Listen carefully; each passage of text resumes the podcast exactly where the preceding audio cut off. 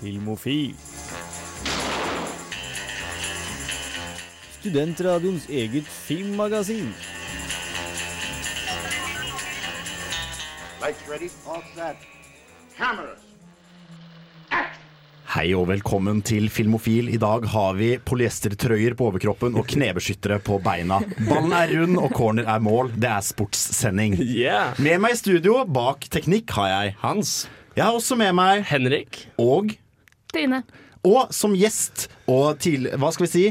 Filmofilvenn. Ja. En film, kjær og kjent filmofilvenn har jeg med meg. Andreas. Jeg heter Jan Markus Johannessen, og vi har litt av en sending til dere i dag. Før det skal vi høre 'Strangers From The Sky' av Death by Unga Bunga.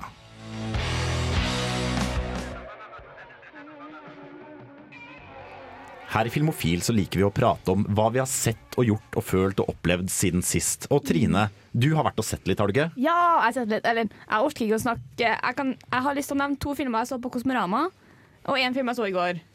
Jeg, to, jeg så um, studio, en Studio Ghibli-film for første gang. Åh, hvilken? Ja. For så- første gang? For første gang, ja. Jeg så Min nabo Totoro og When Marnie Was There på Altså, Lørdag. norsk dub, da, tydeligvis. ja, norsk dub. Nei, serr? Norsk dub av min nabo David Totoro? Ja, men det var på Cosmo Kids, så det liksom, de skal forstå hva som skjer dem òg. Hva er Cosmo Kids? Det var, barne, det var barneprogrammet for Kosmorama. Men, Hens du, har, du har jo nå den eh, Siden sist, for de som ikke fikk med seg forrige sending, så har jo du vært og sett ekstremt mye film. Nærmere Ja, altså, 50 timer altså, film altså, siden sist. 16, Jeg så 16 filmer på Kosmorama. Ja. Ja. Og Jeg skulle egentlig se 26. inkludert da, så Ja, men det ble for mye. ja. Men inkludert da så har du sett Studio Ghibli, og dette er jo hva skal jeg si Det er jo en hypet film og et hypet filmstudio. Mm. Og nå som du har sett liksom sprukket eh, Studio Ghibli-hinna, hva, hva kan du si om uh, Hva kan du si om disse filmene? Hvorfor fortjener, først og fremst fortjener de hypen de har fått? ja, de gjør det, men det er, liksom, det er noe med den, eh, den japanske anime-stilen som er så veldig fint å se på. Og Studio Ghibli gjør det fantastisk. De klarer liksom å blande alvorlige og ikke så alvorlige temaer inni en barnefilm. I tillegg til at det er jo et ekstremt stykke håndverk. Det tar vel Ja. sju år å lage Ja, én det, film. det er jo alt, det, alt, det, alt er liksom tatt for hånd. En annen ting eh, jeg har merket med Ghibli-filmer, er jo at de tar, de tar kids veldig på alvor. Eh, som for eksempel Chihiro og Eksene. Eh, eller Spirited Away, som man heter på engelsk. Um, er jo veldig sånn, altså Det handler om en hva da, eh, 11-12 år gammel jente. Uh, som liksom overhodet ikke er en sånn barnlig, barnslig liten drittunge som går rundt og uh, plukker blomster, men som utsettes for skikkelig tunge prøvelser, og som liksom må uh, må håndtere de, men som fortsatt er et barn. Altså på en måte Det er ikke et voksent menneske i en barnekropp kropp som de skal liksom kjenne seg igjen i. Jeg føler med en gang litt sånn Pans labyrintent-følelse Ja. over det hele. At Mm. det er Du er et barn, men du må tåle å deale med ganske sjuke ting. Eh, jeg har sett enda en animert film. Jeg var og så Zootopia i går. Å herregud, Jeg forelska meg i den filmen. Den var så herlig. Har du blitt en furry, du også? Ja, men, ja, men den, var så, den var så bra. Den Ja, var skikkelig bra. Hva var det du likte ved den? Um, jeg likte filmreferansene. De var helt fantastiske. Film- og TV-referansene som var i filmen.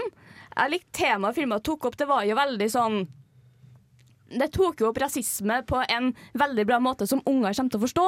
Ja, for det er liksom De sier jo at rasisme er ekte, og rasisme skjer, men de, siden de ikke er mennesker, så kan de vise veldig rasistiske ting. Fordi Å, en løve gjør narr av en gaselle fordi hun spiser gress. var- det Mens det istedenfor at det liksom går på hudfarge og mennesker. Men det var en veldig fantastisk linje i filmen som liksom gjør narr av ja, Som gjør narr av eh, Disney. Bare sånn, Det her er ikke en tegneseriefilm der du kan synge og alt blir bra og du får det som du vil. Let it go. Men er det ikke Er det blitt sånn ny greie at uh, tegnefilmer skal være så sykt mye moral og shit? Det har det det ikke alltid vært. sånn ja, men har, det, har det alltid vært? Ja. Men Det er litt mer sånn Var det ikke litt mer subtilt før? Altså Skjønnheten og udyret. Det er liksom Ja, du, du kan være kul selv om du er forskjellig. Det er jo kanskje den mest moralske filmen de har Ja, ja, jeg vet, men Den er moralsk på en sånn veldig grunnleggende måte, mens Inside Out Den går inn for å lære deg første årsstudium i psykologi. Jo, men altså, du har jo Altså, Pixar har jo særlig en tradisjon for det med at typ sånn alltid på liksom midt i tredjeakt et sted, så har du et punkt hvor liksom hele den derre anerkjennelsen av Å, jeg skulle, å, jeg skulle ha gjort det og det. Unnskyld for at jeg har vært jævlig. Unnskyld for alt jeg har gjort. Som basically bare oppsummerer hele moralen. Altså I De utrolige. Midt i liksom kampen så har du et eh, moment hvor Harry utrolig liksom omfavner familien sin. Bare sånn Jeg skulle ha vært der for dere. Jeg skulle ikke vært så opphengt i uh, greiene mine.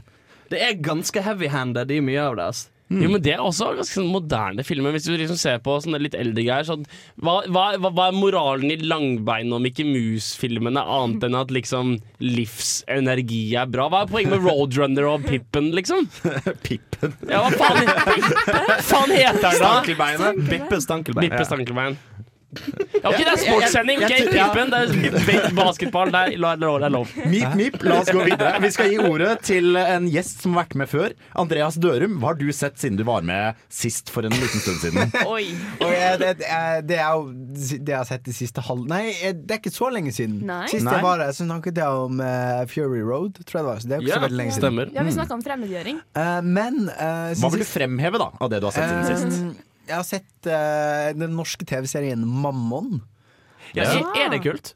Altså det er ganske, Om ikke annet så er det morsomt å se en veldig sånn House of Cards gjort i en norsk politisk kontekst. Det er litt kult. Det er litt sånn morsomt å ha liksom den norske utenriksministeren som liksom eh, gjør de samme tingene som du ser i House of Cards. da Men det er et eller annet med den norske måten å være skuespiller på. De var, som er veldig teater. Det blir liksom 'Jeg vet hva du har gjort!' Det blir liksom Det blir veldig skuespill, liksom. Og det er liksom av og til bare la jeg merke til hvor veldig skuespill det var. Men, men samtidig altså Det er bare morsomt å se NRK gjøre en så veldig amerikansk slags type Mhm. TV-serie, da. For det sitter litt med følelsen av at Målgruppen for denne serien er de samme som liksom ser Broen og leser mm. han godeste Jo Nesbø. Jo Nesbø, ja. Snømannen og alt det der. Er, det, er dette litt sånn rundt 40-krim? Sånn for de, eh, for de som nettopp har fått liksom, småunger i barnehagen og Ja, det er kanskje det. Det er kanskje det Det er litt samme sånn type intriger og Men det er, det, er, det er litt den der med at når du ser folk som snakker ditt eget språk, og sånn, så blir det så tydelig at de prøver å skuespille. Jeg hørte en kommentar om det i forhold til at alle nye Late Show-hosts og alle nye sånn type Trevor Noah og sånn, de har alltid veldig oppstartsproblemer fordi det er så tydelig at de prøver å få oss til å le. De har ikke etablert en genuin karakter ennå, så du, du, du bare legger så sykt merke til at de, du prøver, at de prøver å få deg til å le. Og på samme måte tenker jeg at norske skuespillere liksom, De prøver så jævlig å skuespille. Men det er gøy at du sier det, Henrik. For jeg føler ikke jeg opplever det i like stor grad som deg. Men det tror jeg kan ha å gjøre med at du er østlending. For jeg merker det i veldig stor grad når det er bergensere eh, i film. For eksempel, eh, jeg hadde jo lillebroren min på besøk for eh, et par helger siden. Han er elleve år, og vi så filmen Megamind på norsk. Ja. Og der har hun ene Hun ene er bergenser. Hun er ene av de større birollene der. Og det bare var så påfallende. Bare, Dette var manus, ja! Men det er jo, jeg vil si at det egentlig er noe som har plaget norsk film- og serieproduksjon ganske lenge. Det er jo en grunn til at f.eks. Skam har blitt tatt imot med åpne armer. Fordi herregud, de snakker som fuckings mennesker. Ikke Ja, det er sant. Sånn. Nei, nei, men Apropos. det er godt nok for meg. Jeg blir lurt, og det virker faktisk som om det er ungdommer som prater, og ikke skuespillere som liksom leser cue-cards fra sidelinja som en eller annen holder opp. Jeg har også uh, sett første episode av Manhattan. Ja! Altså, du sier ja, veldig Ja, fordi. Manhattan var en helhetlig opplevelse. Altså, Manhattan var en serie jeg smelte inn i litt som America, The Americans. Og jeg kan ikke helt sette fingeren på hva som var bra, men det var bare kjempebra. Men Andreas, Jeg- kan ikke du fortelle om Manhattan? Jeg, What? Han altså- spurte meg! Nei, jeg, jeg, jeg var mest forbauset over at du sa ja så høyt. Altså, Du Manhattan spurte meg er inn en i- i- i hodet mitt. slags se serie serialisering, altså en fiksjonell tolkning av utviklingen av atombomben. Ah. det som ble kalt The Manhattan Project. Kult. Uh, så det er liksom fra disse forskerne som er ute i en ørken eh, langt fra alt og prøver å ha et liv. Samtidig som da skal utvikle den atombomben. Men jeg satt hele tiden og var så utrolig bevisst på hvor mye av det som var fake. Og det irriterer meg litt at du liksom må smøre sånne falske konflikter oppå en Altså Det er jo en, kjempe, det er jo en kjempespennende historie Og hvordan de utvikler den atombomben. Og så må de smøre sånne fake konflikter mellom Liksom, og de der eh, Ja, den- den Altså ser. Dette er den populære bomben, men så har du disse outcastene som jobber med liksom rebellbomben. Og de blir liksom Og la meg gjette, rebellbomben vinner til slutt. ja, Ikke spoil. Selvfølgelig vinner rebellbomben, ikke sant? Men, det er litt sånn Og de som de jobber sent på natten fordi de skal redde amerikanske liv. Og det er liksom er, Altså, det er kanskje ikke jeg, innser at den målgruppen som har lyst til å høre mer om fysikken, ikke er den største. Er sant, men, ja. men liksom samtidig Ofte så er faktisk historien kjempespennende, og du trenger ikke smøre. Litt sånn Turing-filmen. Eh, altså med Alan Alan Turing. Game. Ja. ja, Hvor på en måte de, han derre obersten, eller hvem faen, var sånn kjempemot at de skulle bruke datamaskiner. Det er bare kødd. Det var Ja. ikke sånn det var i det hele tatt. Han var de- egentlig kjempemed på det. ja, ikke sant? Og de må bare De tenker at vi må ha en eller annen konflikt. Fordi konflikten mellom liksom Storbritannia og Nazi-Tyskland tydeligvis ikke er nok konflikt. Eller noe. Den samme har du jo i filmen Amadeus eh, om Mozart, hvor Salieri framstilles som den største, sjal mest sjalu pikken i verdenshistorien. Nei! Han var kompisen til Mozart. Eh, eller de hadde sånn her, litt sånn her vennskapelig Jeg føler meg rivaleri. lurt. Eh, men de måtte ha en skurk, sant? Og den Kon-Tiki-filmen hvor de må ha han Ja. der eh, ingeniørfyren som må være sånn superteit og ødelegge alt. Han var ikke sånn i det hele tatt. Men de bare Vi må ha en drittsekk, fordi hallo, en film uten en drittsekk.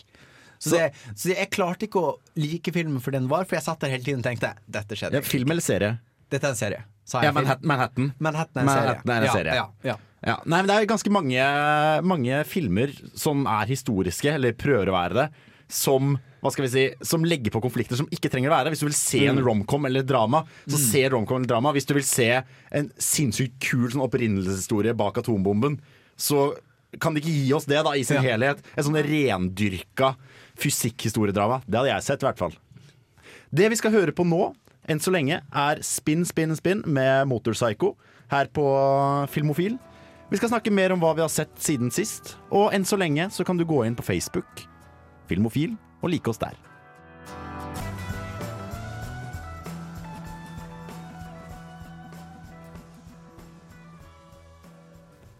Vi skal snakke mer om hva vi har sett siden sist. Og Henrik, du var, eh, du var inne på noe. Ja, jeg synes det var så interessant med eh, Vi snakket om um, hvordan Andreas ikke likte Manhattan fordi det var så mye falsk dramatikk. De har gjort en ekte historie som i seg selv er jævlig spennende. Til sånn herre Se hva som skjer etter pausen på TV 2. men jeg og Hans så Spotlight på lørdagen. Ja. Ja, det gjorde vi. Og Takk. Og uh, det var klassisk sånn bio, biopic-film, selv om det ikke handlet om en enkeltperson. Det var klassisk sånn herre historiedrama helt uten noe dramatisk kurve. For jeg tror ikke de hadde lagt på noe drama. Du ventet på liksom at et eller annet stort skulle skje, og så, og så filmen Jeg skal ikke spoile noe, men filmen skjer sånn som den skjer. Men det er ikke sånn klassisk sånn derre at noen kjører bil om natta i regnet for å rekke et eller annet, liksom. Og gode gud, så befriende det var. Ja. Jeg synes det var, det kom bare til filmens fordel. Det kunne liksom vært Hun ene kunne vært forelska i han. Ja, de kunne lagt på masse Og det hadde, det hadde bare vært sånn Hvorfor har dere med dette her? Ja, for jeg satt liksom hele tiden og ventet på at han der redaktøren Sorry Han der redaktøren skulle bare sånn deise armen i bordet. Bare sånn Du skriver faen ikke denne saken! Give me your Ja, ja, badge and altså. gun! Eller gi meg pressekortet ditt! Gi meg blyanten og notatblokka. Og mener du at eh, liksom, vendepunktet i filmen ikke er når én person sitter klokken fire på natten og skjønner hele saken Ja, nei, i et enkelt øyeblikk? Det er, men det er et resultat av Hva var det du sa nå? Sånn, sånn, sånn house moment, liksom. Fordi det er, det er jo literally det første som skjer i Manhattan. Literally det første som skjer er at han spiller golf midt på natten, og så skjønner han alt! Fordi det, det er så befriende med sånne filmer nå, for de, de, de kommer nesten ikke noe mer nå. Det er liksom bare Alt må være action, alt må skje hele tida. Et eller annet som skjer hele tida. Spotlight, de tar seg tid. Det minnet meg veldig om Zodiac. Ja. Uh, I litt at Ja, det det. Du har liksom Mm. ikke et sånn klart klimaks, du bare følger saken gjennom Ja. uh, alle Og for så vidt Nightcrawler har egentlig heller ikke noe særlig sånn dramatisk kurve, syns jeg. ja. mm. I hvert fall, eh, Spotlight var en veldig kul film, og jeg synes at Mark Ruffalo spesielt spilte en veldig, annen, veldig ny karakter Og for. Veldig utypisk Mark Ruffalo-rolle. Ja. Jeg vil jo si at han har også spilt i The Foxcatcher. Ja, oh, ja. der, spiller- der, der så Der jeg det også ikke. spiller han ekstremt bra. Og det er helt åpenbart at dette er en veldig veldig dyktig skuespiller. Ja. Jo, jo, men, jo, men uh, Mark Ruffalo spiller jo typisk veldig sånn avbalanserte folk. Det er Eh, sant. veldig sånn chille og bakpå folk som Og her var han ikke det, liksom. så jævla klar over hva de, hvem de er, og Ja. hva de holder på med. Mm. Mens her var han mye med Han var nesten en sånn Kramer-karakter. Ja, eh, som liksom kom inn og bare sånn Nei, jeg vil gjøre dette! Ja, ja. Eh, Og som, som hadde litt sånn nervous tics Så han Ja, var litt, ja, ja. litt highly strung, liksom. Sånn, du ser at han er flink i jobben sin, men det er kanskje ikke den fyren som chiller mest. Nei. Liksom. Du er Sitte og ta en øl med han, litt Og det ser nesten ut som han har tillagt seg en sånn annen kroppsholdning. Ja, definitivt. sånn Han satt rart og litt sånn. Ja, ja, ja. Men dette er en film som må gå på kino. Spotlight. Det der går på kino nå. Dette er en Oscar-film som treffer Norge gode syv år etter at det har fått en Oscar. eh, Er den så gammel? Nei. Den kom i Amerika i sommer, tror jeg. Eller okay, okay. på et eller annet tidspunkt. Jeg, vi, vi, eh, vi så det for nå helt nylig. Og eh, jeg tror Spotlight er den filmen med mest scriptede hmm-lyder. Den filmen har sikkert 20 tilfeller der hmm er et genuint liksom, scriptline. For vi snakket jo veldig om det, eh, Henrik, fordi rett etter vi hadde sett Spotlight, så så vi eh, Mr. Nobody. The West Wing. Var det? um, I forbindelse med The West Wing har ingen skriptede ting som ikke varer mer enn ti sekunder. Det er nettopp- er mener Hans. Det er nettopp det, for det var så gøy å se hvor radikalt forskjellig hele på en måte innfallsvinkelen til manusskriving var. Ja, fordi Spotlight er, ser ekstremt genuint ut. Du tror det. skikkelig på det, mens The West Wing er mer sånn, mer sånn monologleveringsverktøy. Ja, sant? Nå skal jeg eh, servere en lang monolog med masse zingers. Ja, Men som, som du kommenterte, i Spotlight så føles det som alle faktisk snakker sammen. Ja, det er sant. Eh, at de faktisk liksom tenker på det hverandre sier, og faktisk utveksler meninger. Ja, for det er, det er rett og slett en troverdig film. Rett og slett. Ja. Og det, det liker jeg. Det, er, det, trenger ikke være noe mer enn det. Det er godt nok for meg. Det skal sies at uh, hvis du er litt opptatt av presidentvalget nå, sånn som Jan er, og sitter alle dine timer og ser på oppdateringer og, og Nate Silver-fanboy, så er det lov å se The West Wing altså, for å få litt inntrykk uh, For å få litt inntrykk av am amerikansk politikk og sånn. Eller House of Cards. Som er enda litt mer tids, uh, i tiden. Tidsrelevant, ja, men det er en del sånne tidløse ting som tas opp i The West Wing. Blant annet en valg av Supreme Court Justice, sånn som Obama prøver på nå. Hans, vil du nevne noe mer du har sett siden sist? Jeg har omsider begynt å se på Breaking Bad. Ja. Eh, for Ja vel. Ja, for den har lenge vært på sånn alle sier jeg må se det, og så har på en måte det at alle maser sånn om at jeg skal se det, har gjort at jeg får mindre lyst til å se det. The Wire-effekten. Nettopp. Fordi tingen er at Nå begynner jeg å korte ned på ting alle sier jeg skal ha sett. Oh, ja. Eh, for nå har jeg sett House of Cards. Uh, jeg har gått gjennom alle nerdetingene. Så jeg har sett liksom Game of Thrones og Battlestar Galactica Firefly. Firefly. Firefly, Firefly og sånn. uh, nå har jeg sett uh, House of Cards. Mm, begynnelsen, jeg er på begynnelsen av sesong tre av Breaking Bad. Du har kommet så langt? Ja, ja. Du kødder ikke rundt, altså! Så neste på planen et- etter jeg er ferdig med Breaking Bad, eh, blir jo da Sopranos, som jeg kun har sett to sesonger av, og så The Wire. Og så er jeg basically utlært på TV-seriefronten. men Det er ingenting som er diggere enn bare å være ferdig. Da kan du bli en av de som står der med litt sånn stiv overleppe og sånn Ja, du har ikke sett den, nei? Har ikke du sett The Wire? Oh, jo tidenes sosialkritikk, Eh, Men jeg, jeg liker Breaking Bad kjempegodt. Um, jeg innser jo at det var jo bare tull at jeg ikke ville se det. Um, Sånn hipsterfaktor. Ja, bare, ja, til ja, i, I grunn. i grunn Eh, Nei, jeg liker det kjempegodt. Uh, Bryan Cranston spiller jo selvfølgelig fantastisk. Eh, og Er han med i Break... Nei, nei, nei. um, og, Nei, det, det bare så veldig menneskelige og velskrevne karakterer, alle sammen. Eh, jeg, jeg liker materialet, jeg liker utviklingen i karakteren Walter White. Hvordan han går fra å være litt sånn der eh, clueless eh, familiefar til å bli eh, kjempenarkobaron. Ja, fordi han bruker jo sesong én på å bli en karakter. Ja, men um, å, Jeg glemte hvor jeg skulle gå med det. Så du, du liker Breaking Bad, altså? Jeg liker det. Ja. Jeg kan fortelle om det jeg har sett siden sist. Og Ja. det er en eh, serie som er Som jeg først så to sesonger av, og så innså jeg at jeg likte den, og så så jeg ikke mer på det. eh, For det var ikke tilgjengelig Men nå har jeg da klart å få tak i alle sesongene av It's Always Sunny in Philadelphia. Ja. Som er en serie som jeg føler er veldig meg. Det er uh, For å ta et eksempel, da, så har jeg en litt til tider drøy humor. Og da jeg var ja, Nei. Hvem jeg? Og da jeg var utenfor min hva skal jeg si, vanlige omgangskrets eh, forrige uke, så begynte jeg på et tidspunkt grafisk å beskrive melkekartonger fulle av gingersad. For det var det riktige for meg å gjøre akkurat der og da. Og da var liksom resten av folka rundt bordet var sånn Du, Ja, Var det riktig for de andre? At nei, du det var gjøre overhodet ikke det. Men jeg føler at It's Always Sunny in Philadelphia er de folka som klarer bare ta det ett skritt lenger. Det er om å lage de jævligste menneskene mulig, uten å liksom få helt sånn Hitler-faktor. Ja. Men de er, de er fullstendig grusomme mennesker hele tiden. De er, hvis de hadde dødd alle fem, så hadde verden blitt et bedre sted. Ja, Den første episode handler om at de innser at Faen, vi har ikke noen svarte venner. Så de går ut ens ærend for å skaffe seg svarte venner på liksom verst tenkelige måte. Men er ikke It's Always Sunny litt sånn offer for den derre 'å nei, hvorfor må de være så teite hele tiden'? Man blir så lei av at de ikke klarer å få til noe. Den der idiotfaktoren. Sånn 'å nei, å, jeg blir så lei av å se på de folka her'. Nei, jeg vil egentlig ikke si Det er på en måte det som er showet, og de er Serien er litt selvbevisst. Det er over the top. Og liksom, I siste episode jeg så nå, så ble de holdt gisler av noen folk som ranet dem. Og de karakterene er liksom deres rivaler. da McNulty-familien, eller McBoyle heter det. Som bare er sånn Alle er innavla og har monobryn. Og hun ene er så innavla at hun er døvstum. Og det eneste hun drikker, er melk. Og de som går ut og truer med hagler og skrur temperaturen så alle begynner å kle av seg. Det, sånn, det, det tar en sving til det absolutt surrealistiske. Men bare humoren de har der, er så drøy. De liksom tuller med incest og sex, og de, de adopterer barn for å få kun stønad. Liksom, de, gjør, de begynner på welfare, og så finner de at de får ikke welfare, så de begynner med crack for å teste positivt. Liksom, det er de bare men det er aldri noen sånn ordentlige konsekvenser. Det er ingen come-upens. Det bare handler om hvor dypt kan vi gå, og så, så lever vi det bort. Men det er vel et eksempel på hvor du ikke trenger noe come-uppens fordi at alle vet at de er drittsekker. Ja. Eh, litt som i um, med, med Wolf of Wall Street, hvor mange klager på at Ja, men han får jo, han får jo ikke som fortjent.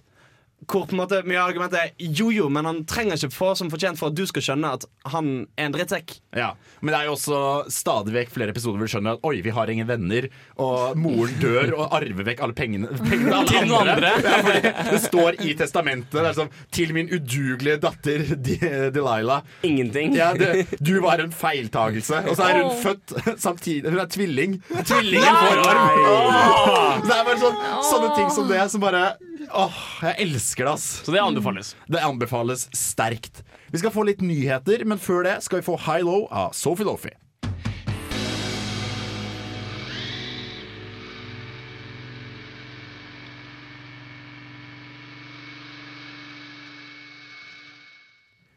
Trine, vår eh, faste nyhetsjournalist. Ja. Har du funnet noen nyheter til oss? Ja. Er det bra?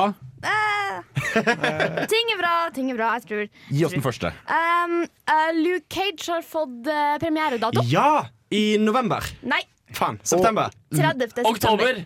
Luke Cage, er det han svarte fyren fra Jessica Jones. Ja. Jepp. For det er vel på vei mot en sånn samlet serie med, med Jessica Jones, Daredevil, Luke Cage og Iron Fist. Ja.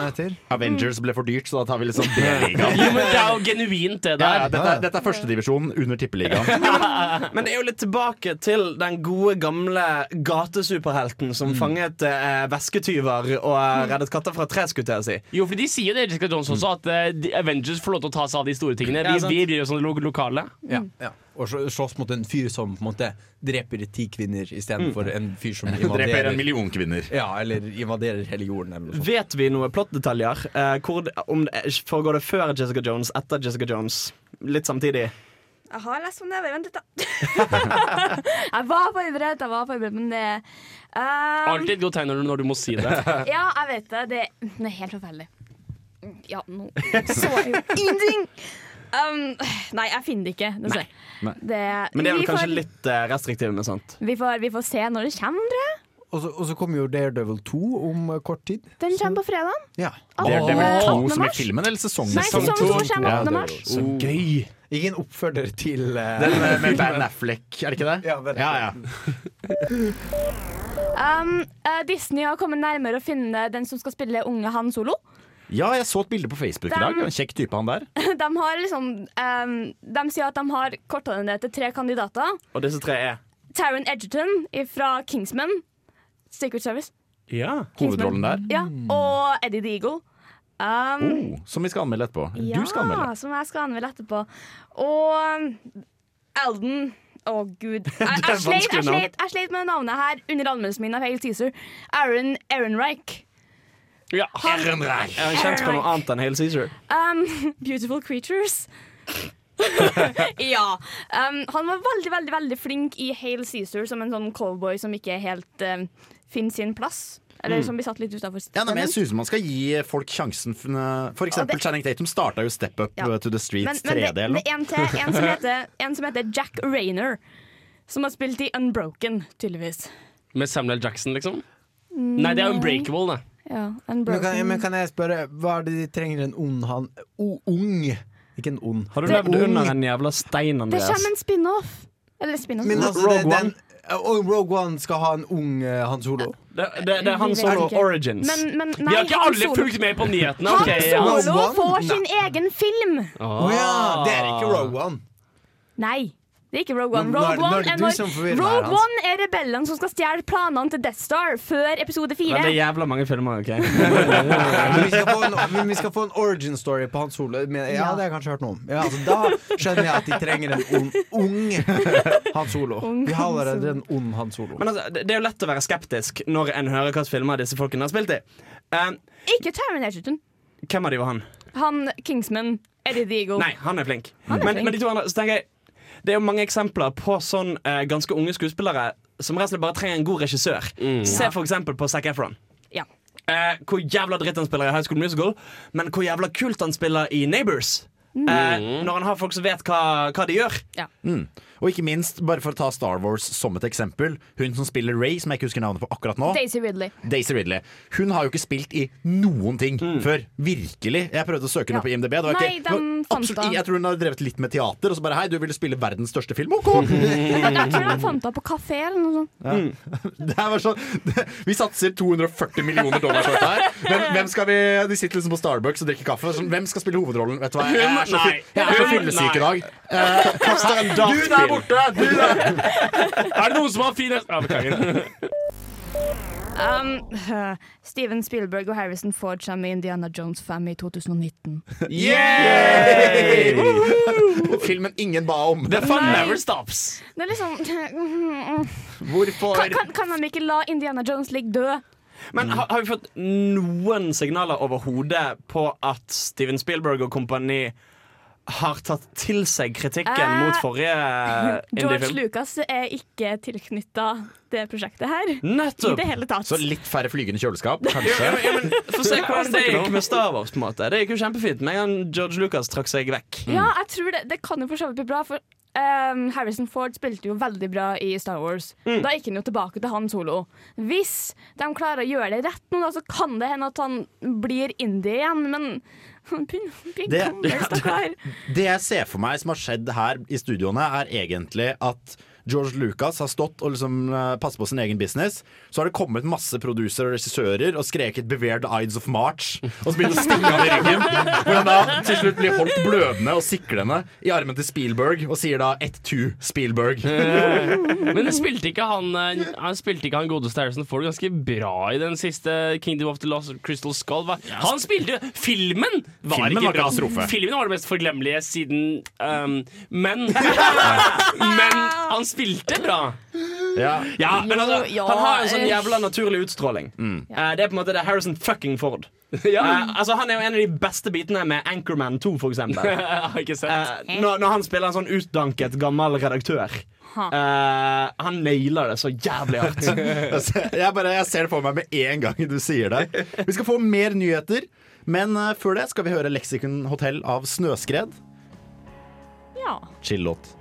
Skikkelig. Chill out, liksom. Kan du gi oss en uh, smakebit på neste nyhet? En liten En teaser? teaser. TV-serie. Vi TV-serie, må ha noe mer spennende. Kom igjen, kom igjen. Um, Kom igjen, da. Seth Rogen. Oh, oh, Yeah! oh ja, den har jeg hørt om! Den har jeg hørt om. Jeg gleder meg masse. Men før det, Snøskred Alexen Lexen Hotell.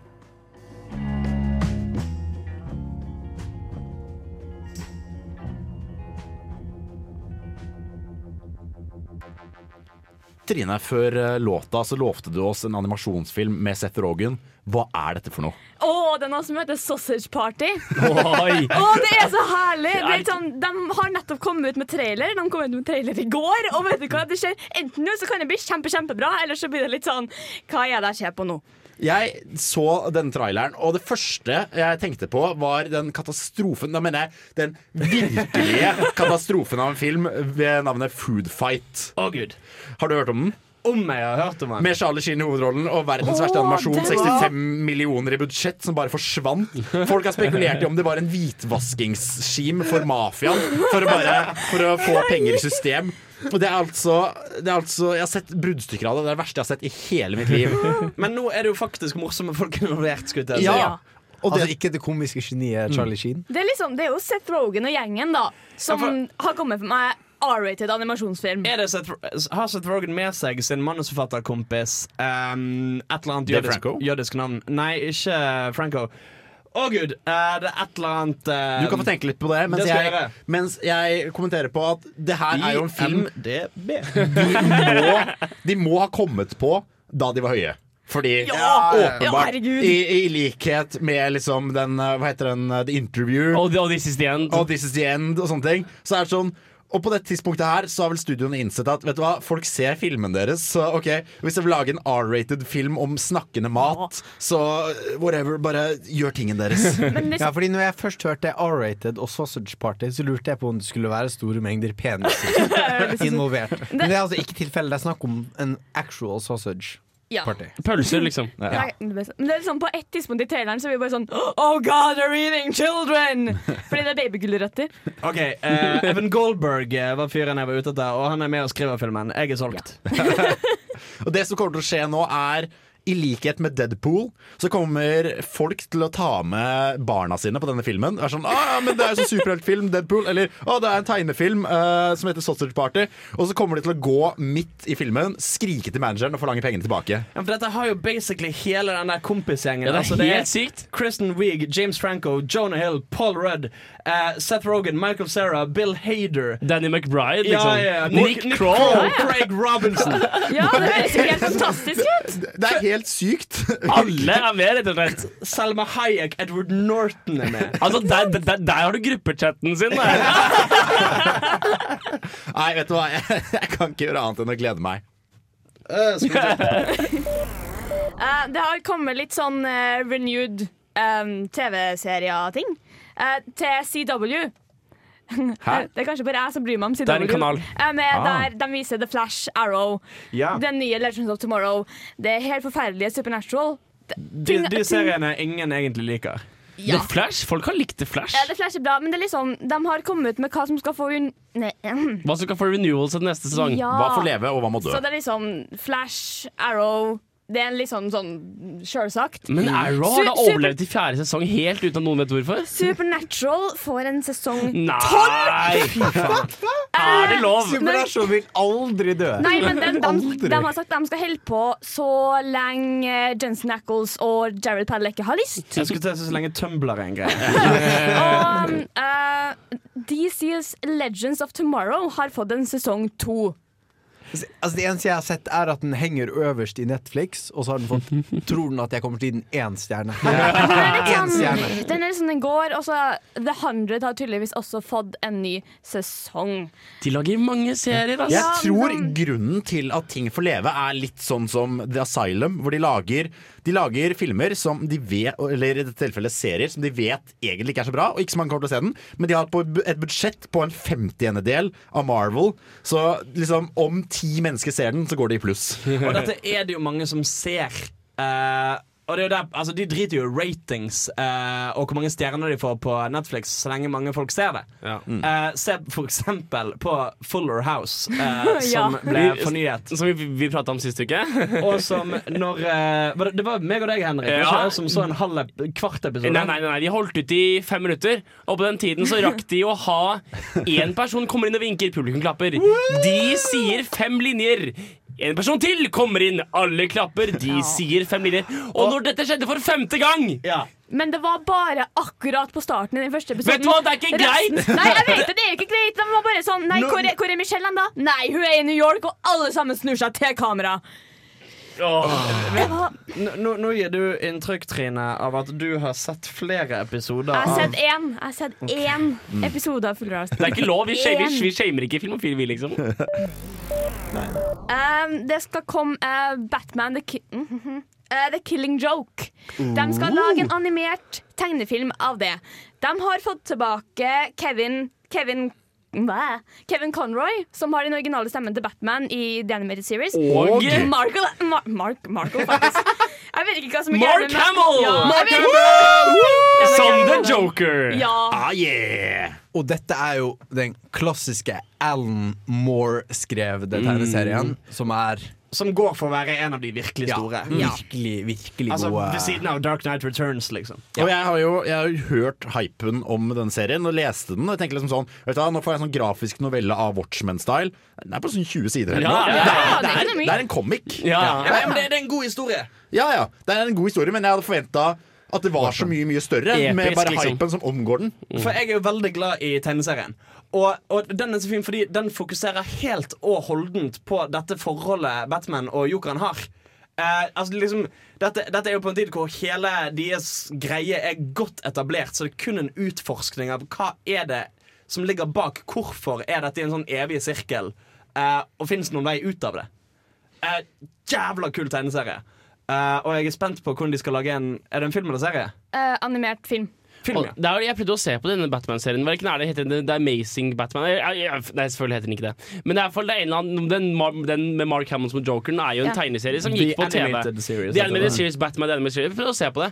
Og det er jo for meg som trenger litt sånn Litt sånn kjapp underholdning, så var det litt for sakte for meg. Men det er en serie du kan da leve deg litt inn i, da. Som vokser på deg, liksom. Som tar hva skal jeg si, tar rollene alvorlig, Ja. i motsetning til å være bare kapow, blam Ja. i fengsel. Og jeg har også hørt at de andre animerte filmene, altså Attack on Arkham Nei, Assault on Arkham, og at de skal være veldig bra. Eh, Jeg har ikke sett noen av dem. Jeg har sett to, tror jeg, med Batman. Som, det er liksom, de, de har jo uh, Dark Knight Returns. Den er også en animert film. I to deler. Men den er så tegneserien er så brutal. Ja, ja men jeg liker, jeg liker det. Jo, jo, jo, men, Det er ikke noe galt i det. nei, nei, nei, nei, nei. Men med en gang det er tegnefilm, så tenker jeg på en måte at da er det jo lagd for eh, barnepublikum.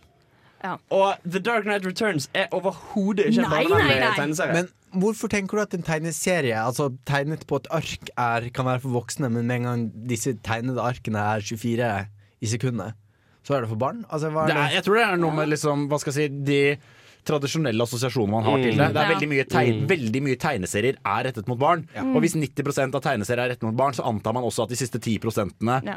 Er rettet mot barn. Og det skal jo sies at superhelttegneserier er også i stor grad myntet mot barn. Eh, eller unge voksne, men akkurat eh, Frank Miller sine greier, særlig eh, standalone-greiene hans, og ikke det han gjorde for Marvel og DC i liksom runs, er veldig voksent og typ lagd for folk som har vokst opp med dette, og som på 90-tallet og tidlig 2000-tallet tenkte OK, nå skal vi ha litt sånn mørkt og Men vi får se da nå som den nye, si, den nye bølgen av, uh, av superheltfilmer har kommet, om de tør å satse på det litt mer voksenpublikummet. Det finner vi ut når den filmen kommer. Før det skal vi høre Tellef Råbe, som eh, spiller låta 'Flying On The Ground'. Her på Filmofil. Håper du koser deg. Vi går inn i hva skal jeg si, ikke helt temadelen enda, men vi begynner å tjuvstarte litt på det. Fordi Trine, du har vært og sett en sportsfilm. Ja, jeg har vært sett Eddie the Eagle, som handler om eh, skiflyvning. Ha! Eller skihopping. Jeg sier skiflyvning. Klarer de å gjøre det spennende? Hvor spennende er egentlig skihopp? Det er liksom, jeg føler liksom Moroa er om du lander riktig. Liksom. Nei, men det er liksom bare Hele filmen er jo bare Det er en sånn skikkelig sånn feel good sportsfilm der du liksom ikke Jeg vil ikke si for mye, for jeg sier det, jeg sier det i For du har en anmeldelse med deg også, Ja, har du ikke? så jeg vil gjerne at vi skal starte den. Kan vi ikke høre på den? I was in the hospital for a year when I was a kid. All the doctors said I should give up sports. Where do you think you're going, young man? The Olympics. You better take this. Put your medals in. Thanks, Mum. Eddie the Eagle er basert på den britiske skiflyveren Eddie the Eagle Edwards. Dette er Dexter Fletcher sin andre spillefilm, og han har nå laga en fantastisk feelgood sportsfilm som virkelig får deg til å trekke på smilebåndet. I'm going be a ski jumper. He's going break his neck. I'm gonna break his neck.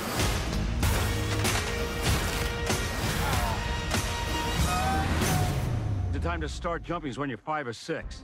Vi møter Eddie når han er ni år gammel. Han har et stort ønske og engasjement om å en gang få delta i en øvelse på de olympiske lekene. Vi ser han prøve og feile i flere forskjellige idretter før han bestemmer seg for å prøve ut skiflyvning. Som sportsfilmer flest får han hjelp av en avdanka utøver, og vi får se forholdet mellom de her to forme seg i løpet av filmen. Dette forholdet er fantastisk å se utvikle seg fra et trener- og elevforhold til et genuint vennskap. For as long as I can remember, it has been my ambition to become an Olympian. Eddie, you are not an athlete. I just needed to find the right sport. Taron Edgerton gjør en formidabel jobb i sin portrettering av Eddie. På et tidspunkt glemmer du at han er skuespiller, og ser kun karakteren han spiller. Dette gjør deg mer investert i filmen. Hugh Jackman spiller den avdanka utøveren som starter å trene Eddie. Han gjør en grei jobb, men av og til virker det som han glemmer at dette ikke er en X-Man-film, fordi du ser fortsatt en god del Wolverine inn. De her to har en fantastisk kjemi, som gjør det så fantastisk morsomt å se den filmen her. So is this the bit where you say I told you so? No, this is where I say that without the booze, I wouldn't even have the guts to do that John. As your coach, I think you're crazy.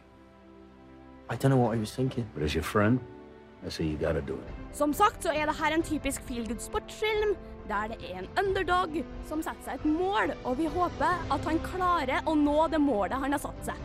På veien til å nå målet sitt er det flere som sier at han aldri kommer til å nå målet. Dette får oss til å føle mer for karakteren. Jeg vil påstå at man gjerne drar på slike filmer for å føle noe.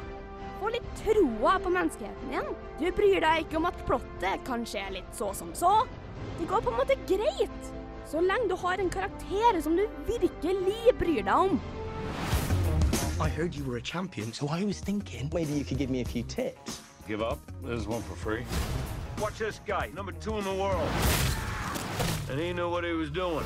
Eddie the Eagle er en godhjerta film om at du aldri skal la noen fortelle deg at du ikke kan lære deg nye evner. At det ikke betyr veldig mye hvor gammel du er. Så lenge du har viljen og er sta nok til å klare de målene du setter deg. Så når du får sjansen, dra på kino og se filmen. Du kommer mest sannsynligvis til å gå ut av kinosalen med en fantastisk følelse i magen. Ja, jeg er solgt, ass. Vet du hva, Det her er, høres ut som en knallfilm med veldig veldig episk musikk i bakgrunnen. Jeg kan se for meg Dette er noe man flyr i saktefilm til nedover Ja, ja, ja, det er skikkelig herlig. Og det er, det er også nordmenn med i filmen, da, for det er jo fra OL i 88, så du hører liksom norsk, da, for de har kasta to norske skuespillere. Ja, For dette er en sann historie, er det ikke? Ja, det er en sann historie. Det morsomme var jo det at han godeste mannen var jo Han Eddie Eagle var jo, som du sier i anmeldelsen, ute etter å være med i et eller annet olympisk. Ja. Så han var jo da lenge britiske holderen i skihopping, fordi han var den eneste. Han var, han var den britiske holderen i verdensrekord i speedskiing, fordi han var den eneste. Han, han var best i stunthopping igjen. Jeg kjenner jeg lurer på Klarer de å gjøre selve skiflygningen spennende? Fordi jeg, jeg, tenker umiddelbart at sånne filmer som det er sånn Oh, you're never gonna make it. Yes, I am. Så er det ofte slåssing. Og da har du på en måte eh, nettopp det at du kan ha en jævla slåsskamp som varer litt, og liksom bygge opp en del de scenene der, mens skiflygning er jo ganske fort eh, overstått. Det er jo eh, det er veldig morsomt å se en prøve å feile, liksom prøve konstant å hoppe, for han gir seg jo aldri. Mm. Og det er, som jeg har sagt, det er et par nordmenn med i filmen som blir litt sånn, de blir litt sånn antagonister, egentlig. Det er veldig morsomt å se på, for han bare Du får det aldri til, så han prøver jo bare om igjen og om igjen. Og jeg syns jo skiflygning er dritmorsomt å se på. Det visste jeg ikke. Du er Hadde jeg ikke sett for meg, men ok. Nei, men det er jo hva skal jeg si, litt sånn nordmenn som kommer inn. Du er ikke født med ski på beina, hva skal du gjøre? Ja, liksom? nei, men det er liksom Alle sammen sier til henne at du burde ha starta når du var seks. Mm. Og det er en veldig morsom sånn liten easter egg i filmen, for det foregår i samme OL som eh, Kalle rumper, eller cold runnings. Så Ja. du, plutselig så hører du over eh, anlegget Nei, nå skal vi videre til bobsled med det japanske, japansk, japanske, faktisk. Jamaikiske laget. Og de har det med. Og så Ja. gøy. Dette er en referanse jeg ikke tar. Det er en film som heter Karl rumper, som handler om det jamaicanske bobsled-team. Som lærer seg liksom å stå bob uten noe is over hodet. Så kommer de til OL og ser is for første gang. Og så skal de da, skal de da sette utfor For de, de er egentlig gode 100-meterløpere som ikke kom med på olympisk lag i 100-meterløp. Se, se, se den nå, den er skikkelig herlig, den. Fantastisk historie. Så alt i alt to tomler opp og et stort smil. Ja, vet du hva, se den! Du, du føler deg så god etterpå. Det er en sånn typisk sånn sportsfilm som du bare Og det er jo gøy du sier det, for Eddie the Eagle var jo det for England. Han var jo den der feel good. Han skulle ikke vinne 70 eller 90-meteren han Nei, deltok han på. skulle bare bevise Han at han kunne. delta, ja. Så han, ø, kameraet panna til at han satt der med de store brillene sine innafor skibrillene sine, og, og England feiret. Og det var en feel good-greie hele greia. Fantastisk god stemning. Denne filmen må jeg se. Vi skal snakke mer om sport, men før det skal vi høre Filco Fiction med låta Runimals.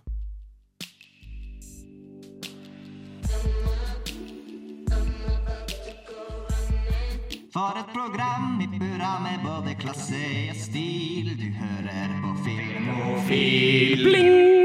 I den anledning at Eddie Eagle nå går på kino, så har vi valgt å Mm. snakke om sportsfilm.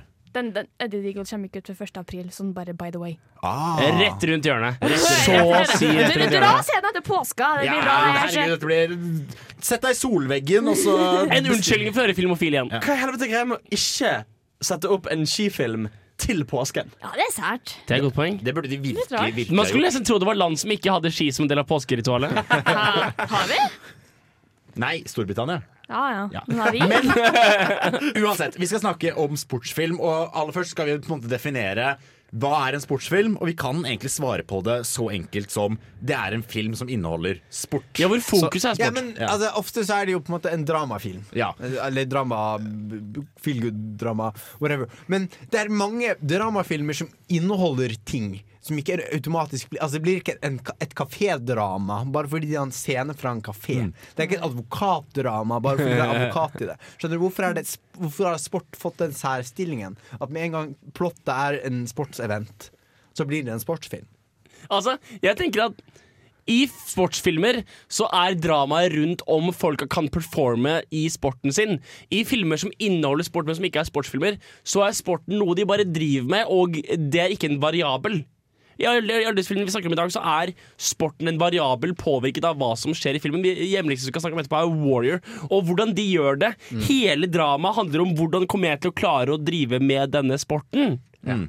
Og vi, det er jo på en måte, vi kan skille litt på det at jeg vil si en sportsfilm handler om at de skal få til noe i sporten, og ikke at det er noe de driver med på siden. For eksempel så har du jo filmen 'Bend It Like Beckham', som er ikke en sportsfilm i den grad, for der, der spiller de litt fotball og blir liksom kjent med hverandre. Men det handler ikke om at de må vinne ligaen for å bli store. Det handler mer om at de connecter med hverandre gjennom sport. Og så, så spiller de fotball og har det gøy. Da så lærer de moren offside-regelen. Og så blir det, er det på en måte et symbol på noe som binder folk sammen. Jeg er usikker på om det, filmen Goal, The Dream Begins, eller om det er toeren. I hvert fall, uh, Der er det sånn grensetilfelle, egentlig, fordi filmen handler veldig mye om at han skal til Real Madrid. Han skal spille Eller han, kanskje Santiago han begynner med. I hvert fall Han skal spille fotball.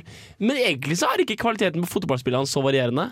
Så det er kanskje litt sånn grensetilfelle, men det er en film som handler om fotball. Ja, for jeg har, jeg har litt problemer med det sportsfilmbegrepet. For jeg så en film på Kosmorama som heter Concussion. Ja.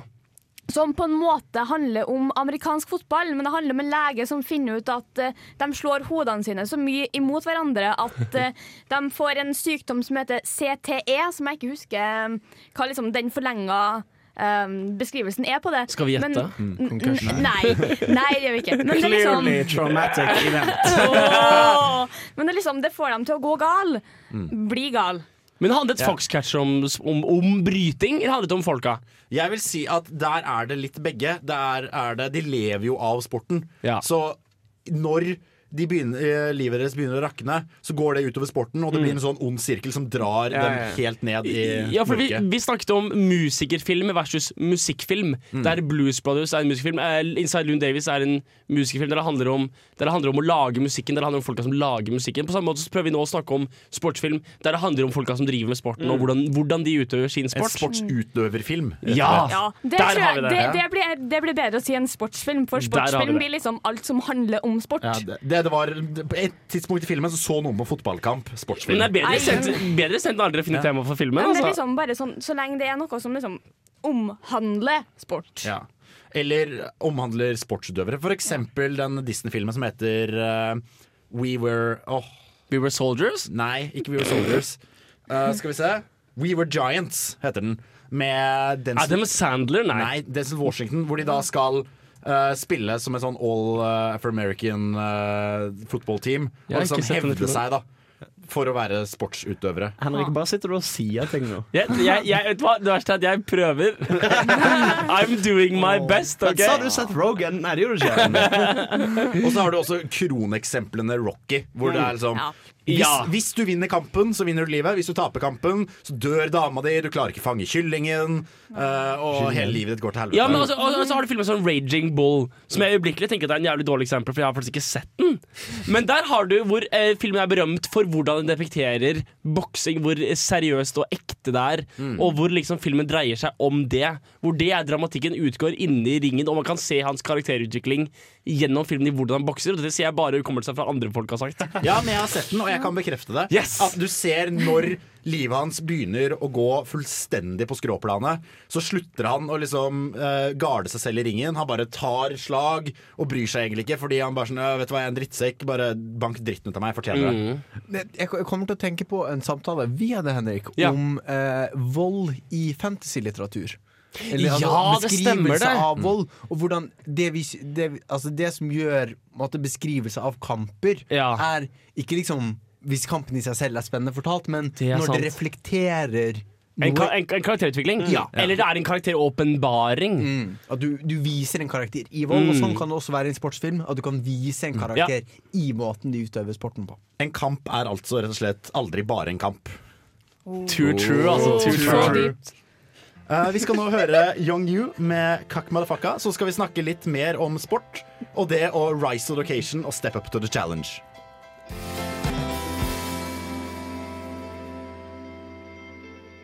Let me tell you something you already know.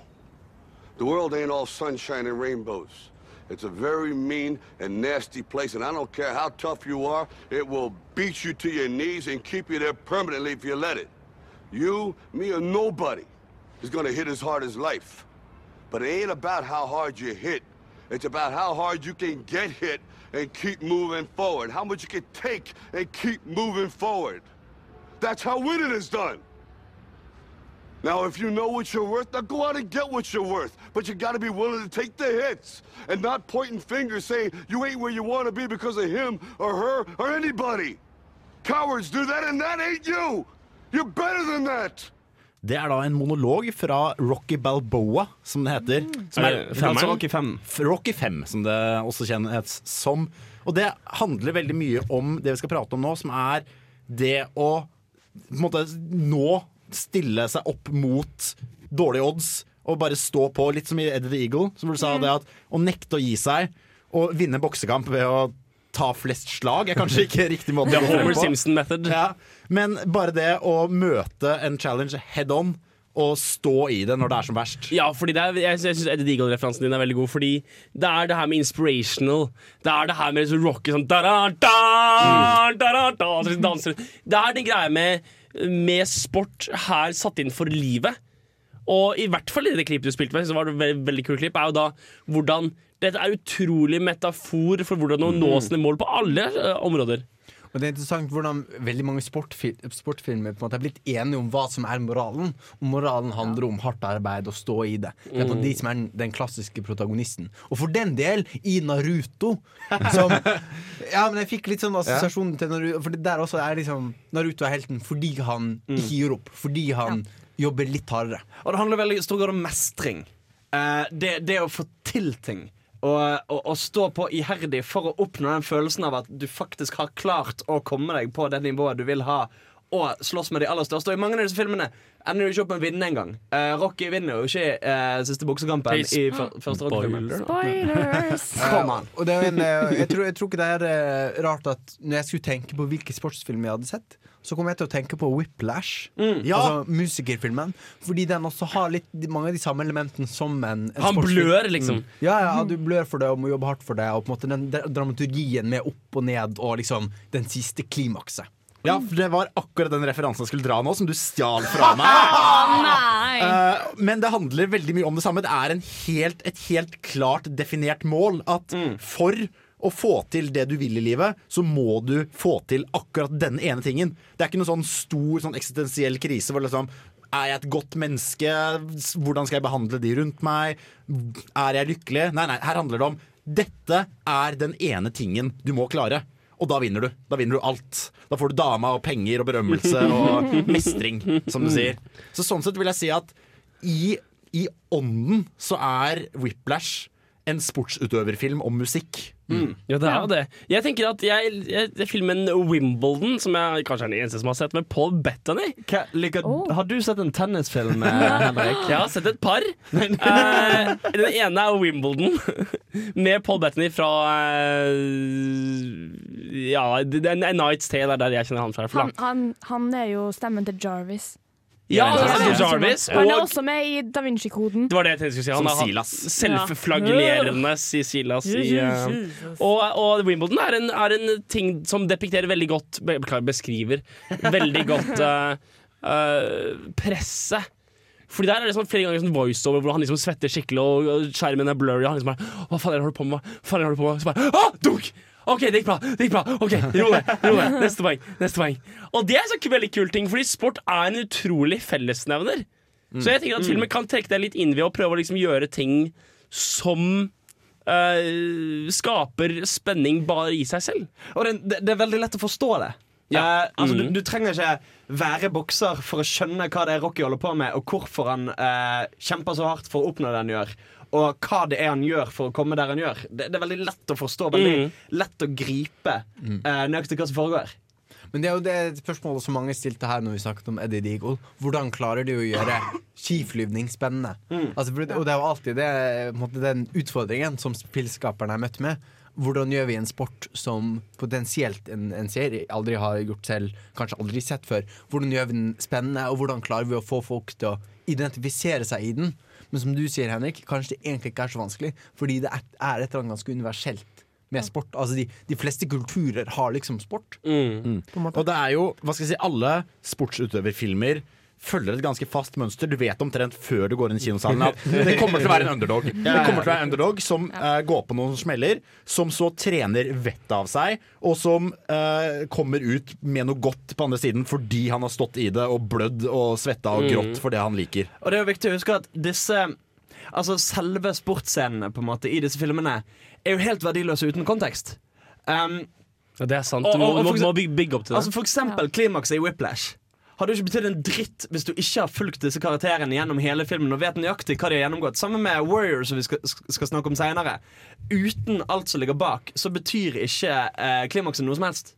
Det er sant, fordi mange, av disse, mange av disse sportene her er ikke så spennende i utgangspunktet. De er ting der du trenger kontekst. Du trenger å bli kanskje til og med forklart sporten. Og da, og, og, så det vi, vi snakker om det, ja, denne filmen der handler egentlig mer om drama enn om sporten. Ja, men du trenger drama for å bli engasjert. Du kan ikke, altså, en fotballkamp er gøy fordi du har, du har, du har fulgt med laget i ti år. Ja. Og det er litt eh, den samme opplevelsen jeg satt med, egentlig. Jeg så uh, den store boksescenen fra den aller nyeste Rocky-filmen. Den The Legend of Rocky eh, Hva het den igjen? Creed. Creed. Creed, ja. Creed. Uh, det er jo egentlig en Rocky-film, med bare en ny hovedkarakter. Ja. Rocky Og spin-off. der er det jo en eh, og to og en halv minutt one take av en bokse... Er det det? Ja, ja. Virkelig sånn. Og det funker så jævlig bra. Det funker dritbra. Og den så jeg jeg tenkte at vet du hva, dette er en kjempekul boksekamp. Men du sitter ikke og er engasjert i det. Du sitter engasjert i er at wow, dette her var bra gjort, og dette var troverdig og ekte. Men du sitter ikke og tenker nå er det mye som står på spill, for du har ikke sett resten av filmen. For det var litt av mitt problem med Creed. At de ikke helt klarte å bygge opp eh, det som lå bak kampene. Fordi du hadde ikke dette samme Hva skal jeg si Den samme autentisitetsfølelsen i dette jaget. Det føltes liksom som om eh, han eh, hovedpersonen eh, kun Adonis Creed, het han vel. Eh, du følte at han kun gjorde dette fordi han hadde noe litt lyst. Det var en boksing han syntes var gøy.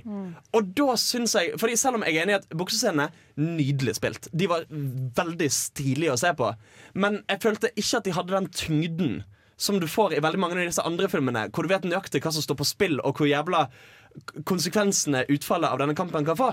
Den følte jeg ikke du fikk i Creed. Han, og, han didn't fight for his life, liksom. nei, sant? Og, og det gjorde at det føltes litt billigere for meg. Rett og slett at Hvis ikke han får det til, så får ikke han til noe han har lyst til, istedenfor noe han må Ja, ja, ja, få til. Mm. For dere som liker Rocky, så har vi en liten godbit til dere. Men før det skal vi høre State of Joy av Red Headed Sluts her på Filmofil.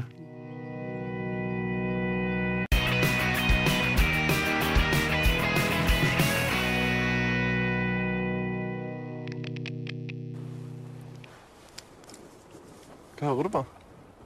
Nei, det er litt sånn spesielt. Jeg tror ikke det er noe du har hørt om, egentlig. Ja, ja. Test meg ut, da. Ok.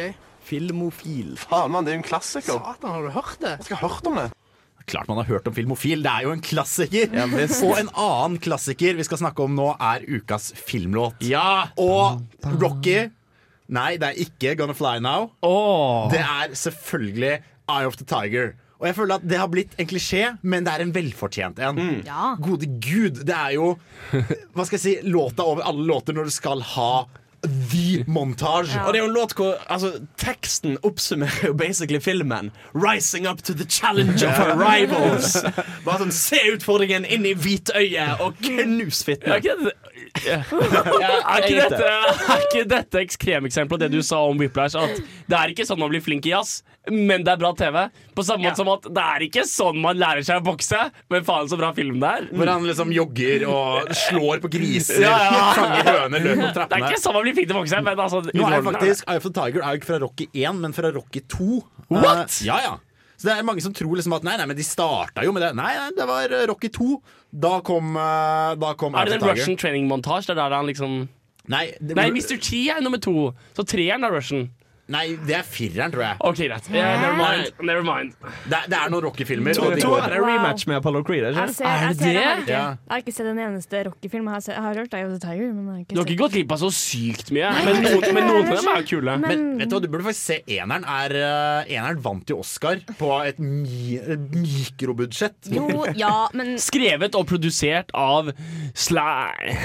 Men, men, men, men boksefilmer er ikke helt min deal. Nei, nei, men det handler jo Kampen er aldri bare en kamp.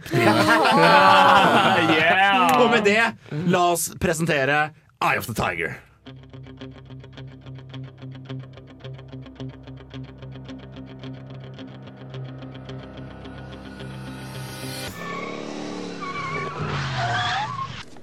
My calculations are correct. When this baby hits 88 miles per hour, you're gonna see some serious shit. Du hører på Filmofil på Radio Revolt. What did I tell you? 88 miles per hour!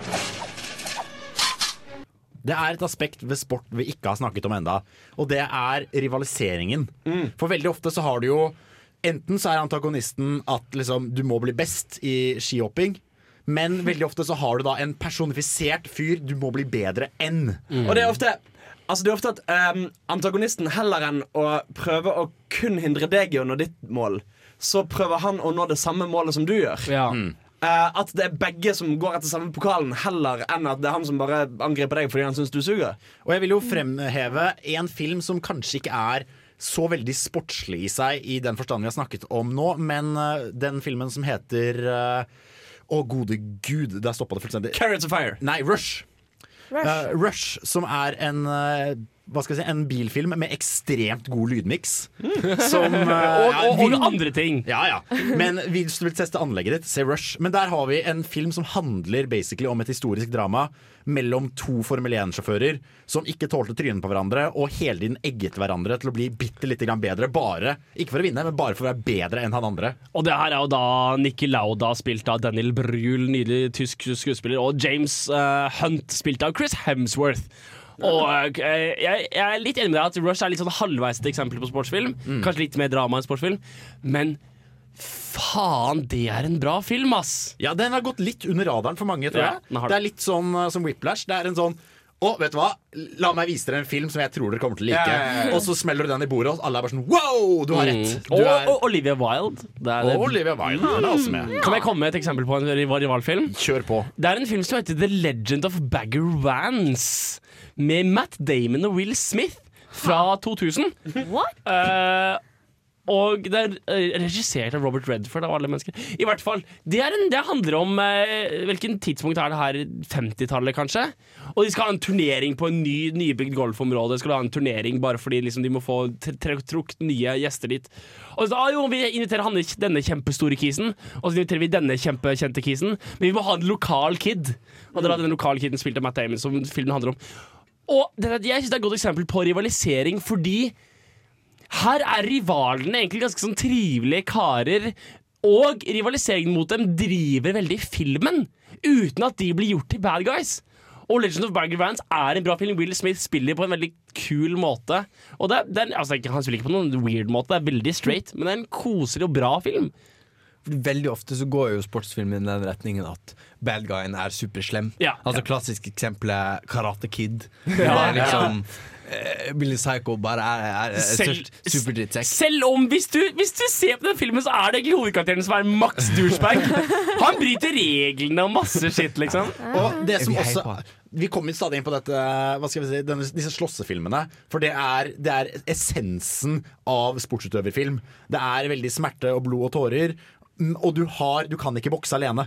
Du må ha en fyr du slår. Og veldig ofte da så er fyren slem, fordi da sympatiserer du når han får drittjuling. Ja. Mm, ja. uh, I motsetning til ukas hjemmelekse, som vi skal snakke om senere. Men der har du f.eks. Cinderella Man, som er et uh, historisk boksefilm. Uh, hvor en sånn irsk bryggearbeider skal nå toppen og liksom forsørge familien sin. Sånn, skal slåss mot en fyr da, som har drept folk i ringen før. Er liksom sånn Ha-ha, jeg har slått i hjel folk i ringen før, og du er neste. Men i virkeligheten så var han egentlig en veldig sympatisk fyr som satt på sykehuset til han fyren døde i sykeseng og gråt da han fikk nyheten og sånn. God rolle av Russell Crowe der, altså. Det er det. Uh, litt tilbake på Whiplash. Uh, ikke at jeg Nei, griper enhver sjanse til å snakke om Whiplash. Men uh, den er jo interessant i denne sammenhengen nettopp fordi at rivaliseringen er så ekstremt uvennlig i denne filmen. Eh, for han eh, Karakteren Miles Teller spiller, får jo et par rivaler i det at det er andre trommiser som prøver å spille i det samme storbandet som han gjør i. Og da er det så sykt sånn Nei! Typ, det, ikke sjans.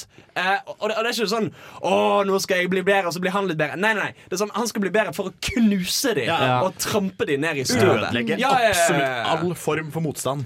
Men liksom, apropos rivalisering, så vil jeg si Whiplash er litt spennende med tanke på mentorrollen. Altså Veldig mange sportsfilmer har Ja, den mentorrollen, mentorrollen. ja. Og da spilt av JK Simmons. Ja. Han, han jazz, jazzfyren. Fletcher. Fletcher. For han er på en måte på samme tid en rival og en mentor. Han, er liksom, han er litt antagonist Godt i den point. filmen, Mm. men han er også liksom den som Pusher. hjelper Ja, den som pusher. En annen del av rivaliseringen når du har det med deg sjøl. Når du, Fordi liksom i Eddie the Eagle Han har liksom ingen som er rivalen hans, men liksom han må kjempe mot seg sjøl for å bli bedre. Så han har en rivalisering med seg sjøl i den form at han har nødt til å pushe seg sjøl hele tida, og det er en sånn, liten sånn skygge ha, har han en scene hvor han står foran speilet og prater til seg selv? Å nei, så har han ikke det. For han har, altså, han har alle, alle disse som sier til ham 'du vil aldri lykkes'. Ja. Altså, eh, blir det en form for rivalisering? Eller Ja, det blir jo det. Altså, selve som en utfordrer. oppfedd av- altså, det er virkelig et, et godt eksempel på en sportsfilm der folk har veldig sånn interne greier. Vi så jo den der um, og sjakkfilmen med som Bobby Fischer mot en eller annen russer. Ikke den gamle 'Searching for Bobby Fischer', som er en veldig koselig sjakkfilm, men den er ganske mye nyere. 'The Last Move' eller et eller annet. Hva heter den sjakkfilmen? vet Og må vi IMDb her? Chess. Åh. Chess the movie. Er det, er det den med Toby Maguire? Ja! Um, oh, hva Sir, nei, um, Pawn Sacrifice heter den. Ja. Og der er han selv hovedsakelig en av motstanderne. Og så er faktisk uh, han, uh, han, uh, han der i russeren faktisk en, også en, en, en, en motstander. Og der syns jeg at det er et litt psykologisk spill. Ja. Og det, da tenker du kanskje han har litt sånn en, en, intern intrige. Da. Mm. Men det jeg synes sportsutøverfilmer gjør, spesielt også da med disse eh, disse konfliktene og det å ha en, uh, liksom et helt klart mål, er at med en rival så har du da også Du har ikke sånn stor eksistensialist Ofte så har du da ikke sånn stor eksistensialistisk fight, men du har et, et helt enkelt ting du må slå. Og at jeg syns sportsutøverfilmer gjør ting ekstremt enkelt, og så handler det mye mer om hvordan måten du gjør det på, er. Og det synes jeg er en veldig kul intro til neste, som altså, ukas hjemlekse som er Warrior. Og da er det den der disse gutta her er egentlig bare fighters, men det blir til en stor greie etter hvert. Og vi skal snakke mer om denne her, ukas hjemlekse, som er den fantastiske filmen Warrior. Men før det skal vi få Ine Hoem med This December.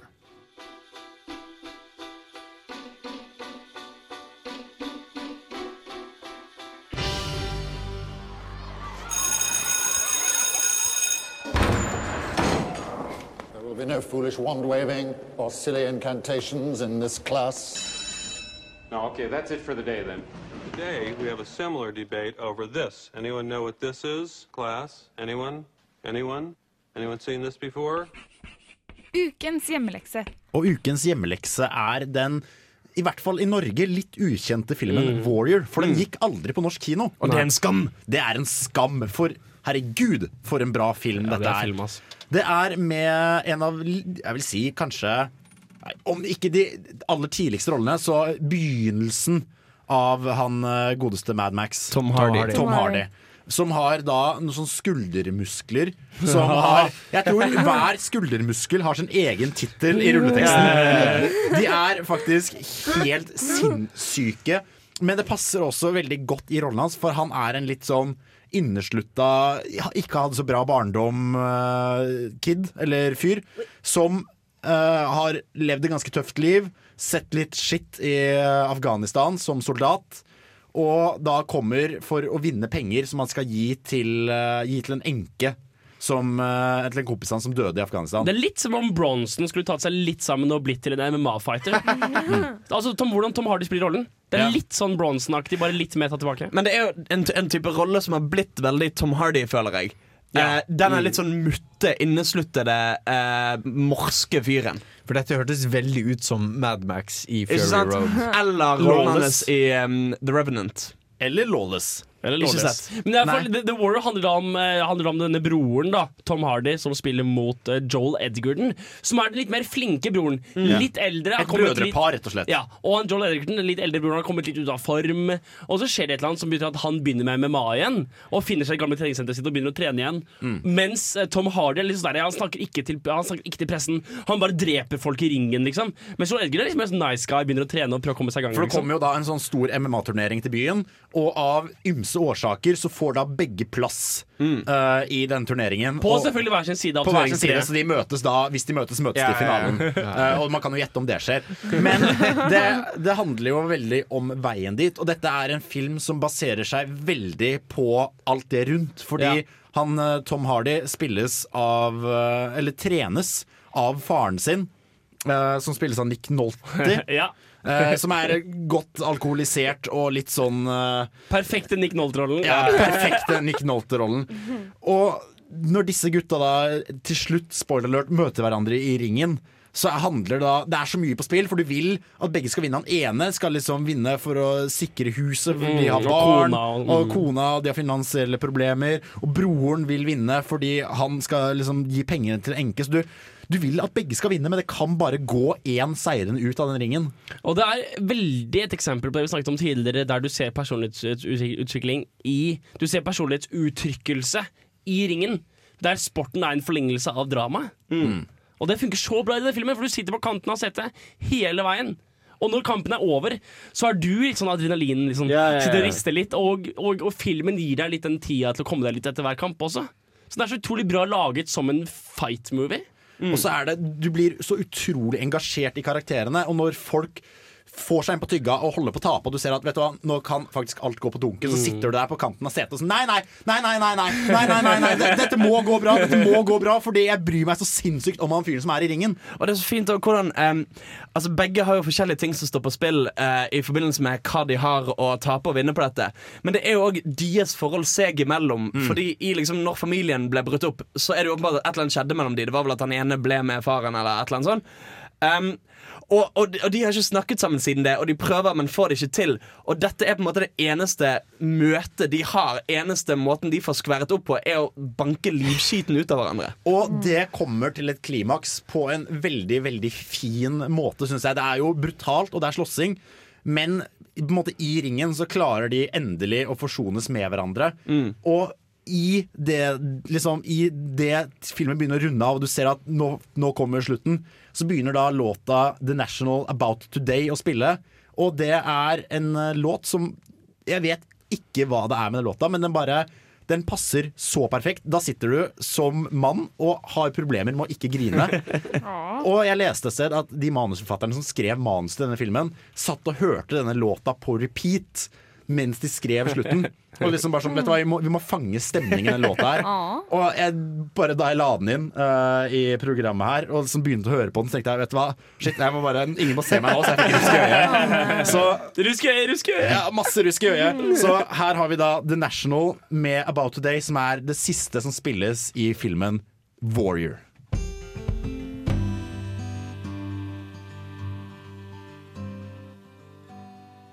Det er, det er pollenallergien, altså. Det begynner å bli vår nå.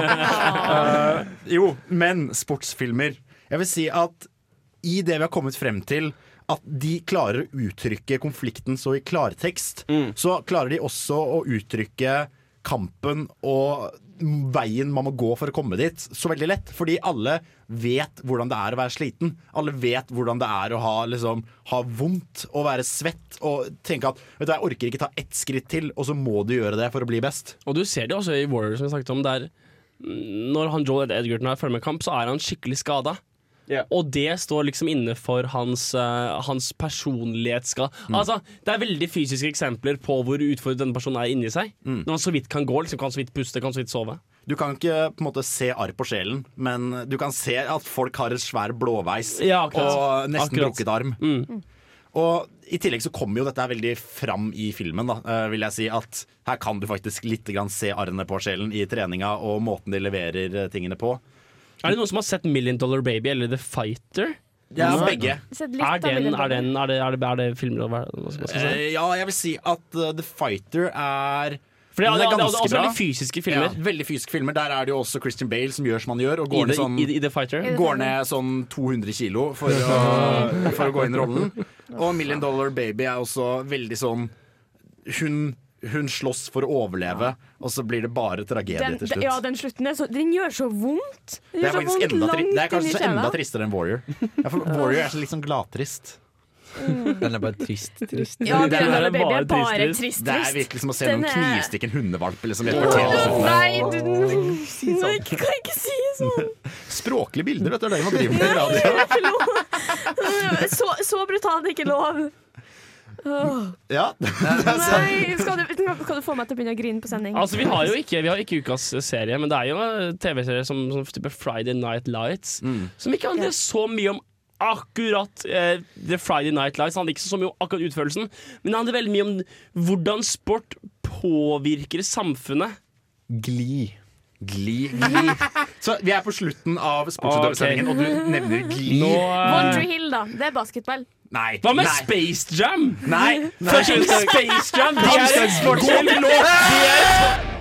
Det var kveldens sending. Vi har snakket litt om sportsutøverfilmer og hvordan det symboliserer livet, kampen og rett og slett bare det å møte motgang og overvinne det. Eller bare er gøy med, med bra musikk. Ja, eller bare gøy med bra musikk og bra koreografi. Det er og boksing. whiplash i et nøtteskall. Ja. Bare gøy med bra musikk. Vi vet ikke helt hva vi skal snakke om eh, neste uke, for da er det påske. Så da blir det dessverre bare reprise. Men uka etter det så skal vi se litt på hva som kommer på kino, og legge opp sendingen etter det. Med meg i studio har jeg hatt Hans. Henrik. Andreas. Trine. Og jeg heter Jan Markus. Takk for at du hørte på Filmofil. Du må vente tre sekunder, så blir det Kanskje riktig med Aaron. Sorkin bør nevnes? Er vi ferdige nå?